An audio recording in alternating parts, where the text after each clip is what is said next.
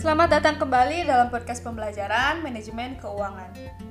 Dalam podcast episode kali ini, kita akan membahas mengenai apa itu manajemen keuangan, prinsip-prinsip di dalamnya, lalu alasan-alasan mengapa kita harus mempelajari manajemen keuangan.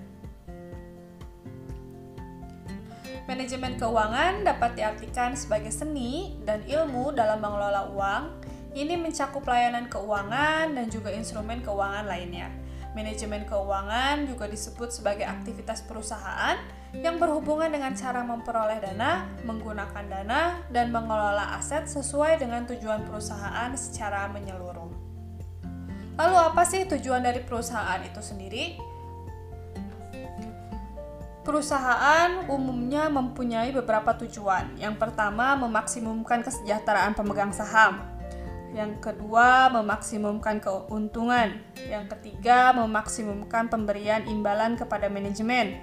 Yang keempat, memenuhi tanggung jawab sosial. Bahkan, menurut teori keuangan modern, tujuan utama perusahaan adalah memaksimumkan kesejahteraan pemegang saham. Yang ini juga berarti memaksimumkan nilai harga saham perusahaan. Bagian yang kedua yang akan kita bahas adalah mengenai prinsip-prinsip dalam manajemen keuangan. Pada dasarnya, terdapat enam prinsip dalam manajemen keuangan. Lima di antaranya berkaitan dengan perilaku ekonomi individu, dan yang terakhir berkaitan dengan perilaku etis. Prinsip yang pertama adalah money has a time value, atau uang memiliki nilai waktu. Sekarang kita akan mencoba berimajinasi sebentar. Kita akan dihadapkan dengan pilihan apakah kita akan menerima uang 1 miliar pada hari ini atau sekarang atau menerimanya nanti 10 tahun ke depan. Ayo, kalian pikirin kira-kira mana yang lebih menguntungkan menerimanya hari ini atau 10 tahun yang akan datang. Ya, secara logika kita pasti akan memilih menerima uang itu sekarang. Kenapa? Karena kita mengenal adanya nilai waktu dari uang atau time value of money. Dengan menerima satu miliar tersebut pada hari ini atau sekarang, memberikan kita kesempatan lebih banyak untuk mendapatkan uang dari hasil penyimpanan uang tersebut. Kita dapat menyimpan uang tersebut misalnya dalam bentuk investasi atau mungkin kita hanya menyimpannya dalam bank tetapi kita akan mendapatkan bunga dari penyimpanan tersebut. Nah, ini adalah keuntungan-keuntungan jika kita mengetahui adanya konsep nilai waktu dari uang. Dengan ini, kita juga mungkin dapat menjawab pertanyaan yang lebih sulit lagi, di mana kita dihadapkan dengan pilihan akan menerima satu miliar itu sekarang, atau mungkin dihadapkan dengan pilihan menerima 3 miliar pada 10 tahun yang akan datang. Ayo, kira-kira kalian bakal milih yang mana? 1 miliar sekarang atau 3 miliar pada 10 tahun yang akan datang. Prinsip yang kedua adalah pengembalian yang lebih tinggi akan dihadapkan pada resiko yang lebih banyak pula. Ini mungkin kita dapat aplikasikan dalam orang-orang yang bermain trading atau saham di mana mereka mengharapkan adanya pengembalian yang tinggi, artinya mendapatkan uang yang lebih besar atau lebih cepat tetapi sebenarnya mereka malah mengambil lebih banyak resiko untuk kehilangan uang tersebut secara keseluruhan atau mungkin adanya resiko-resiko lain yang lebih e, banyak lagi dibandingkan dengan investasi yang memiliki pengembalian yang lebih kecil. Yang ketiga adalah diversifikasi investasi dapat mengurangi resiko. Ini sudah jelas sekali.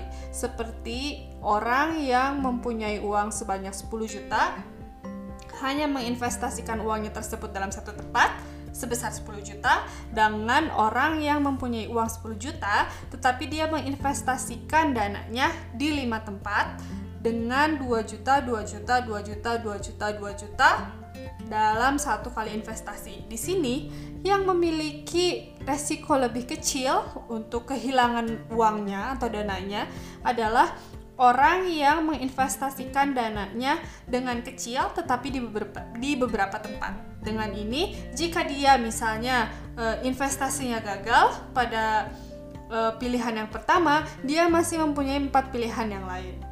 Yang keempat adalah pasar uang yang efisien menentukan harga sekuritas. Di sini, secara ekonomi sifat manusia adalah untuk mencari peluang investasi tentunya dan mempunyai pengembalian yang lebih tinggi. Diharapkan juga tingkat resikonya kecil. Tetapi pasar keuangan yang efisien ini adalah pasar yang di mana harga sekuritasnya mencerminkan semua informasi yang tersedia untuk publik. Jadi, ketika informasi baru itu ada, harganya akan cepat berubah dan harga tersebut akan mencerminkan informasi tersebut.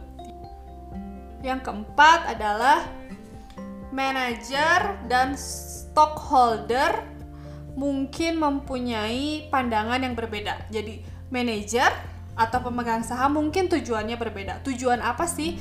Pemilik atau investor mungkin menginginkan maksimal laba dari investasi yang mereka tanamkan.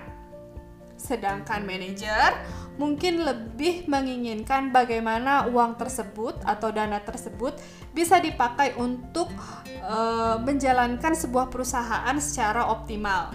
Jadi, Mungkin di sini manajer akan berusaha untuk menekan ukuran penjualan atau menekan aset.